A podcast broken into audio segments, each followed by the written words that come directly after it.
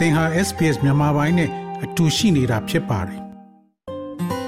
SBS မြန်မာပိုင်းကို အင်ကာနဲ့စနေနေ့ည10:00နာရီမှနားဆင်နိုင်တယ်လို့အွန်လိုင်းကနေလည်းအချိန်မီနားဆင်နိုင်ပါပြီ။သောရရှိမြခင်ဗျာသောရရှိမြယနေ့တင်ဆက်ပေးမှာတော့သစ်မိသားစုဆွေမျိုးရင်းကြအတွဲမှာရဲဆွဲလန်းနေတဲ့သူရှိပါကဘလို့ကူညီနိုင်မလဲဆိုတဲ့ဆောင်းပါးကိုတင်ဆက်ပေးမှာဖြစ်ပါတယ်။ ဩစတြေးလျရှိ လူများစွာရဲ့လူမှုဘဝများတွင်အရက်သည်အဓိကအခန်းကဏ္ဍမှာပါဝင်ပါတယ်။ဒါပေမဲ့အရက်ဆွဲသူတွေဟာအရက်ကို အလွန်ကျွံတောက်ပြီးသူတို့ကိုသူတို့ရောတခြားလူတွေကိုပါအန္တရာယ်ဖြစ်စေနိုင်ပါတယ်။တင်မိသားစုဆွေမျိုးရင်းချတူသည်အရက်အလွန်ကျွံတောက်ခြင်းရှိမရှိနဲ့၎င်းတို့ကိုမိတို့ကူညီရမယ်ကိုသိနိုင်ဖို့ကို အခုရှာဖွေပေးမှဖြစ်ပါတယ်။ Australia Seeing in Bureau ABS မှမကြာသေးမီကထုတ်ပြန်ထားတဲ့အချက်လက်များအရမတ်လ2022ခုနှစ်အထိအသက်18နှစ်နဲ့အထက်လူ၄ဦးမှာတဦးသည်2020 2021ခုနှစ်အတွင်းတပတ်လျင်စံနှုန်းသတ်မှတ်ထားတဲ့ရမကာ10မျိုးရဲ့အရက်သောက်သုံးမှုလမ်းညွှန်ချက်ကိုကျော်လွန်သောက်သုံးနေတာကို တွေ့ရတယ်လို့ဆိုပါတယ်။ဒါပေမဲ့ဘယ်အချိန်မှအရက်သောက်တာက ပြဿနာဖြစ်လာတာလဲသင်ရဲ့မိသားစုနဲ့ သင်ချင်းနေရသူသည် နာတာရှိယောဂဖြစ်တဲ့အရက်ဆွဲလန်းခြင်းရှိမရှိကိုဘယ်လိုပြောလို့ရပါလဲမိသားစုများနဲ့အရက်ဆွဲသူတွေကိုပံ့ပိုးပေးတဲ့ L Anon Family Group Australia မှ CEO က Helen Gillis ဖြစ်ပါတယ် Miss Gillis ကစိတ်အပြောင်းရွှေ့နဲ့အပြုအမူပြောင်းလဲမှုများသည်တစုံတဦးသည်အရက်အလွန်ကျွံတောက်ခြင်းဖြစ်နိုင်တဲ့လက္ခဏာတချို့ဖြစ်တယ်လို့ဆိုပါတယ် The biggest thing we talk about is behavioural changes, and that can vary from person to person, obviously. But often people become different physically, their mood can change, they can become very angry or upset, they can become very elusive and secretive. They can become very argumentative. ကျွန်ုပ်တို့ပြောနေတဲ့အကြီးမားဆုံးအရာမှာအပြုအမူပြောင်းလဲမှုများဖြစ်ပြီးလူတဦးနဲ့တဦးကွဲပြားနိုင်တာကသိတာထင်ရှားတော်လဲလူတို့ဟာရုပ်ပိုင်းဆိုင်ရာအရာ ကွဲပြားသွားတတ်ပါတယ်သူတို့ရဲ့စိတ်နေစိတ်ထားများပြောင်းလဲသွားတတ်ပါတယ်သူတို့သည် အလွန်ဒေါသထွက်ခြင်းသို့မဟုတ်အလွယ်တကူစိတ်ဆိုးနိုင်တာတို့ဖြစ်ပါတယ်သူတို့ဟာအလွန်ပြောရခက်ပြီးလှုပ်ဝက်တတ်သူများဖြစ်လာနိုင်ပါတယ်အလွန်အငင်းခုန်လှုပ်လာနိုင်ပါတယ်သို့မဟုတ်သူတို့သည်ခတ်တန်းတန်းဖြစ်လာပြီးသူ့ဘာသူဖယ်နေနိုင်ပါတယ်ဒီတော့အချင်းစာရိတတစုံတည်းတော့မဟုတ်ပါဘူးဒါပေမဲ့ရသမားတယောက်ကို စိတ်တွေပြောင်းလဲနေတဲ့သူလို့ကျွန်ုပ်တို့တွေးလို့ရပါတယ်။ရဲနဲ့တခြားမူရစေဝါကြောင့်ဖြစ်ရတဲ့အန္တရာယ်များကိုရှော့ချရန်ရည်မှန်းထားတဲ့အစိုးရမှရန်ပုံငွေထုတ်ပေးထားတဲ့မူရစေဝါ Foundation မှအထောက်အထား Manager Eleanor Castellos ဖြစ်ပါတယ်။စိတ်သက်စွမ်းရည်နေပါခြင်းအစာစားခြင်းစိတ်နေပါခြင်းတခြားရုပ်ပိုင်းဆိုင်ရာလက္ခဏာများဖြစ်နိုင်တယ်လို့သူမကပြောဆိုပါတယ်။ You might notice their energy levels are different and they don't engage the same way. Engagement in things like work or school that it may have been really important before might change. သူတို့ရဲ့စိတ်ဆွမ်းရည်အဆင့်တွေကကွဲပြားနေတာကိုသတိထားမိပြီးသူတို့ကိုတူညီတဲ့လမ်းနဲ့ဆက်ဆံလို့မရပါဘူး။အရင်ကတကယ်ရေးကြီးတဲ့အလုပ်ဒါမှမဟုတ်ကျောင်းလိုမျိုးကိစ္စတွေမှာထိတွေ့ဆက်ဆံတာပြောင်းလဲလာတာအလုပ်ကကောင်းကောင်းမလုပ်နိုင်တာတို့ဖြစ်ပါတယ်။တနင်္လာနေ့တွေမှာအလုပ်ကို နေမကောင်းလို့လှမ်းခေါ်တယ်လို့ပါပဲ Miss Gills ကတစုံတဦးသည်အရက်တောက်ခြင်းပြဿနာရှိမရှိကို ခွဲခြားသိမြင်ရန်မလွယ်ကူကြောင်းပြောကြားခဲ့ပါတယ်။၎င်းတို့သည် အလုံနှင့်တမန်ဟုထင်ရသောဘဝတွင် နေထိုင်နေရဆဲဖြစ်တယ်လို့ဆိုပါတယ်။ We know that there are a lot of very professional people who are conducting their work and appearing to be quite functional. Who can have a very severe disability in မိမိတို့လုပ်ငန်းကိုကောင်းစွာလှုပ်ဆောင်ပြီးအလုပ်ဖြစ်ဖို့ပေါ်သောအလွန်ကျွမ်းကျင်သောသူများအများပြားရှိကြောင်းကျမတို့သိပါတယ်။အရေးအလွန်ကျွဆွဲလန်းခြင်းတွင် အလွန်ပြင်းထန်သောမသမဆွမ်းမှုဖြစ်နိုင်ပါတယ်။ဒါပေမဲ့လည်းအချင်းစာရိတပြောင်းလဲမှုတွေအကြောင်းကိုကျွန်ုပ်တို့ထပ်ပြီးတော့စဉ်းစားနိုင်ပါတယ်။သူတို့ကအလုပ်မှာပြီးပြည့်စုံနိုင်ပါတယ်။ ဒါပေမဲ့အိမ်ပြန်လာတဲ့အခါဆက်ဆံရတာသိအဆင်မပြေပါဘူး။ရက်တောက်တာဆွဲလန်းခြင်းသည်ရေရှည်သုံးဆွဲခြင်းမှ ဖြစ်ပေါ်လာသောယောဂဖြစ်ပါတယ်။၎င်းသည်အဆင့်၅ဆင့်ဖြင့်ဖြတ်သန်းသွားတာဖြစ်ပါတယ်။ရန်ဖန်ရန်ကားလွန်ကဲစွာတောက်ခြင်းနှင့်မူယူတောက်စားခြင်းမှ အစာပြုကတိုးမြင့်လာတဲ့ပြဿနာရှိသောအရက်တောက်ခြင်းဖြင့်စတင်က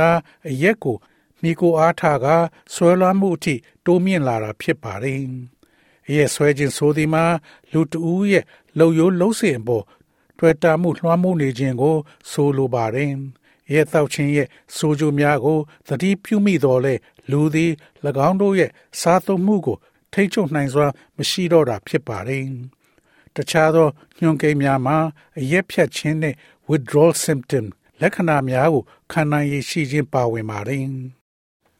ရဲ့ဆွဲခြင်းသည်အရက်တောက်ခြင်းရဲ့နောက်ဆုံးအဆင့်ဖြစ်ပါတယ်။ဤအဆင့်တွင်အရက်တောက်ခြင်းသည်အပျော်သက်သက်မဟုတ်တော့ဘဲရုပ်ပိုင်းဆိုင်ရာနှင့်စိတ်ပိုင်းဆိုင်ရာလိုအပ်ချက်များကို ဖြည့်ဆည်းပေးခြင်းဖြစ်ပါတယ်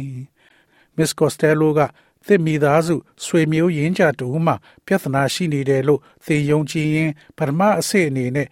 သူတို့ကိုစကားပြောကြည့်ပါ They might not want to talk about it, but being able to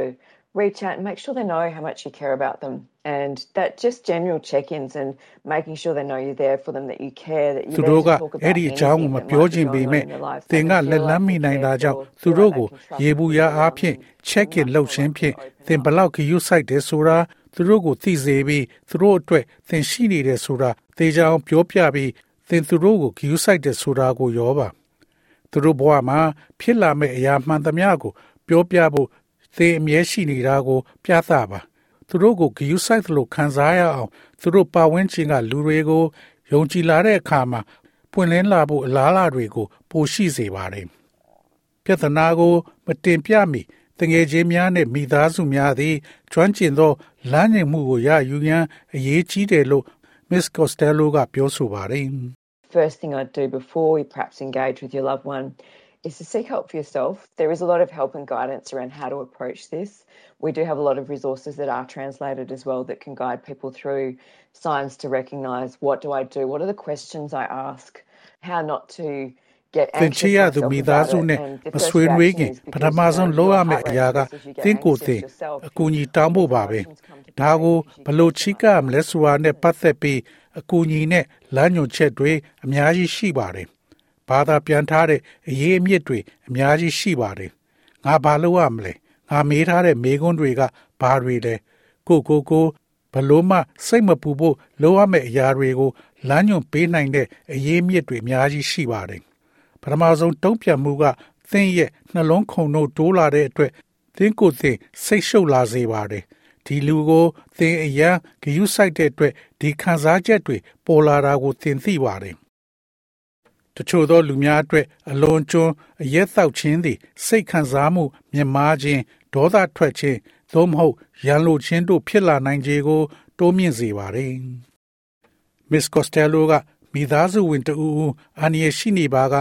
၎င်းတို့ရဲ့ဘေကင်ရေးကိုဥစွာသေးချအောင်လုပ်ဖို့ကအရေးကြီးတယ်လို့ဆိုပါတယ် If it's a situation where there's a potential for domestic violence or any other sort of aggression, first thing to do is remove yourself from the situation if you can. And if you're in immediate danger, always call triple zero. Stigma can be a barrier. I don't want to call the police or အိမ်တွင်ကြမ်းဖက်မှုသို့မဟုတ်တခြားရန်လိုမှုမျိုးဖြစ်လာနိုင်တဲ့အခြေအနေမျိုးမှာသင်တတ်နိုင်သမျှအဲ့ဒီအခြေအနေကိုဖယ်ရှားရန်ပထမဆုံးလုပ်ရမှာဖြစ်ပြီးဒါကသင်ကိုယ်သင်အဲ့ဒီနေရာကဖယ်ရှားရန်ဖြစ်ပါတယ်တကယ်လို့သင်သည်ချက်ချင်းအန္တရာယ်ကြုံပါက သုံးညသုံးလုံးကိုအမြဲဆက်သွယ်ခေါ်ဆိုနိုင်ပါတယ်စတစ်မာအမဲဆက်သည်အတားအဆီးတစ်ခုဖြစ်နိုင်ပါတယ်အမဲဆက်ကြောင့်ရဲသို့မဟုတ်လူနာတင်ကားကိုမခေါ်ခြင်းဘူးတခုခုဖြစ်နေတာကို သိစေခြင်းနဲ့ဒါပေမဲ့ရေဘူးရအားဖြင့်တော့သူတို့ကသင်ကိုဦးဖျားဖျားပြုစုစောင့်ရှောက်ဖို့ရှိနေမှာပါ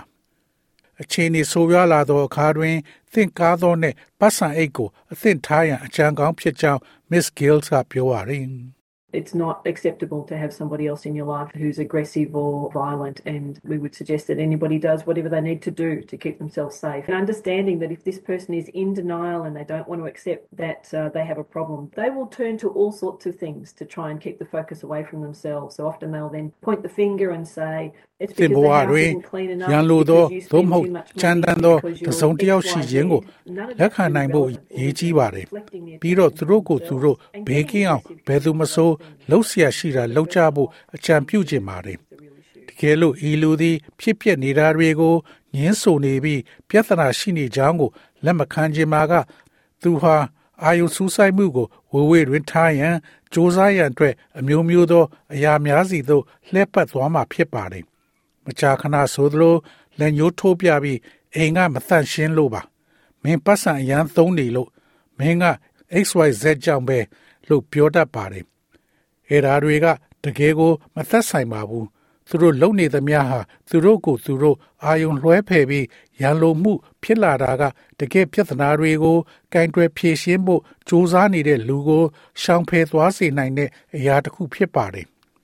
ရဲ့အလွန်ကျွံသောက်ခြင်းသည်ချစ်ခင်သူတူရဲ့အပြောင်းလဲကိုမြင်တွေ့ရသည်မှာအလွန်နာကျင်ပြီးစိတ်ရှုပ်ထွေးသွားနိုင်ပါတယ်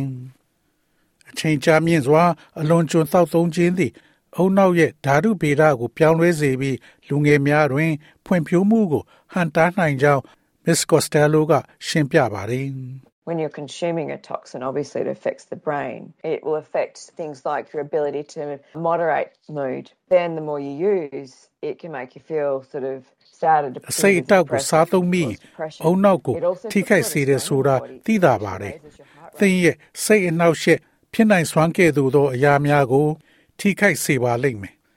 ထို့နောက်များများသောက်သုံးလေ၎င်းသည်သင်အားဝမ်းနည်းကြေကွဲစေနိုင်သည့်စိတ်သက်ကြခြင်းဖြစ်သောကြောင့်၎ င်းသည် စိတ်သက်ကြခြင်းကို ဖြစ်စေနိုင်ပါတယ်၎င်းသည်သင်ခန္ဓာကိုယ်ကိုဖိစီးမှုများစွာသက်ရောက်စေပြီးသင်နှလုံးခုန်နှုံးကို အမှန်တကယ်မြင့်တက်စေပါတယ်အရက်အလွန်ကျွံတောက်ခြင်းသည်တဖြည်းဖြည်းအရှိန်မြင့်တက်လာသောယောဂတစ်ခုဖြစ်သောကြောင့်မဖြေရှင်းပါကပုံမဆိုးဝါးလာနိုင်တယ်လို့ Miss Gill ကထပ်ပြီးပြောဆိုပါတယ် Alcoholism can ruin lives. There's no two ways about it. Um, it doesn't end well for most people. If somebody knows they've got a problem with alcohol at an early stage and they do something about it, then that's the best possible scenario. But it's unfortunately a progressive disease. Every time an alcoholic picks up a drink, it gets worse. The situation, the behaviours, the outcome's not going to get better. That they'll start having blackouts, that they'll start having behavioural changes, they'll start having trouble at work, they'll start having ရဲ့ trouble တောက် with သုံး money, ခြင်း they'll ပြ start ဿနာ having ရဲ့ problems with အ their စောပိုင်းအ relationships. ဆင့်များတွင်ပံ့ပိုးကူညီမှုရယူခြင်းသည်ဤရလတ်ကိုအထောက်အကူဖြစ်စေပါသည်သို့သော Miss Costello ကအရက်သမားများသည်ဆေးဘက်ဆိုင်ရာအကူအညီမပါဘဲအရက်တောက်ခြင်းကိုရန်တက်ရန်လှုပ်ဆောင်ခြင်းအန္တရာယ်ရှိကြောင်းထပ်လောင်းပြောဆိုပါတယ် Our Path to Help website does have over 10,000 help and support services listed there that can be found for your local area as well. It's a good starting point and it also has a lot of self-help information because they may not be ready to talk ကျွန် to တော်တို့ someone ရဲ့ but they might be Part ready to to have a Help look at some website things တွင် they might be စည်ရင်း able to ပြု do စု to ထား start သော with, those initial အကူအညီနှင့် stepping stones to ပံ့ပိုး get ကူညီ some မှု support. ဝန်ဆောင်မှုတစ်သောင်းကျော်ရှိပြီး၎င်းသည်သင့် local data မှာလည်းတွေ့ရှိနိုင်ပါတယ် ဒီတော့ဒါဟာကောင်းမွန်တဲ့အစာပြိုးခြင်းတစ်ခုပါပဲ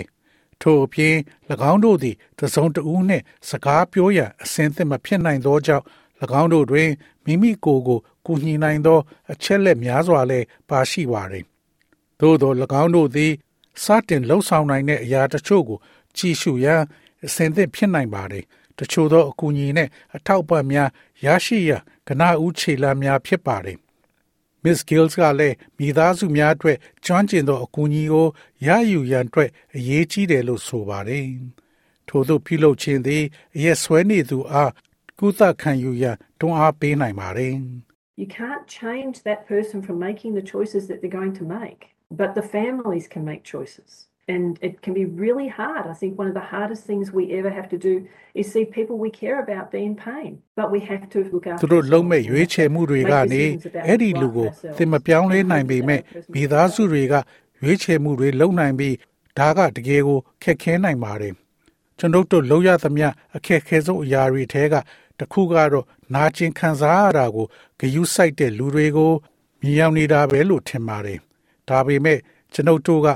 ကိုယ့်ကိုယ်ကိုဂယုစိုက်ရမယ်။ကျွန်တော်တို့ကကိုယ့်အတွက်မှန်ကန်တဲ့အရာနဲ့ပတ်သက်ပြီးဆုံးဖြတ်ချက်တွေချပြီးတခြားသူပြန်ကောင်းလာဖို့မျှော်လင့်နိုင်ပါတယ်။ Australia ရှိရွှေပြောင်းအခြေချနောက်ခံများမှလူများသည်အရက်ရှောင်ရန်သို့မဟုတ် short တောက်ရန်အလားအလာပိုများကြောင်း data များကဖော်ပြထားပါတယ်။အင်္ဂလိပ်ဘာသာမှလွဲ၍တခြားဘာသာစကားကိုအဓိကပြောဆိုသူထက်ဝက်ကျော်သည်အရက်ရှောင်သူများ သို့မဟုတ်ရခင်အရက်တောက်သူများဖြစ်ပါတယ်။အကူအညီကို Alcohol and Drug Foundation website တွင်ဘာသာစကားများစွာဖြင့်ရရှိနိုင်ပါတယ်။သောရရှင်များအကူအညီလိုအပ်ပါက အောက်ပါဝန်ဆောင်မှုများကိုဖုန်းခေါ်ဆိုနိုင်ပါတယ်။ LNON advice line 1300 252 666 the ADF advice line 1800 858584 lifeline 131114 1-800 respect karo 1-800-737-732 beyond blue karo 1300 222 4636တို့ကိုဆက်သွယ်နိုင်ပါတယ်တော်ရရှိမြခင် SBS သတင်းဌာနက Cherio ပဇာနိုရဲ့ဆောင်းပါးကိုဘာသာပြန်တင်ဆက်ပေးထားတာဖြစ်ပါတယ်ခင်ဗျာ sbs.com.au/bemis ကို home နေရာမှာထားပြီးတော့အမြဲတမ်းနှာစင်နိုင်ပါတယ်။နောက်ဆုံးရသတင်းတွေ၊စောင်းမားတွေနဲ့စစ်တမ်းတွေမှာပါဝင်ပြီးတော့ဆက်သွယ်မှုလုပ်နိုင်ပါတယ်။ sbs.com.au/bemis ဖြစ်ပါတယ်ရှင်။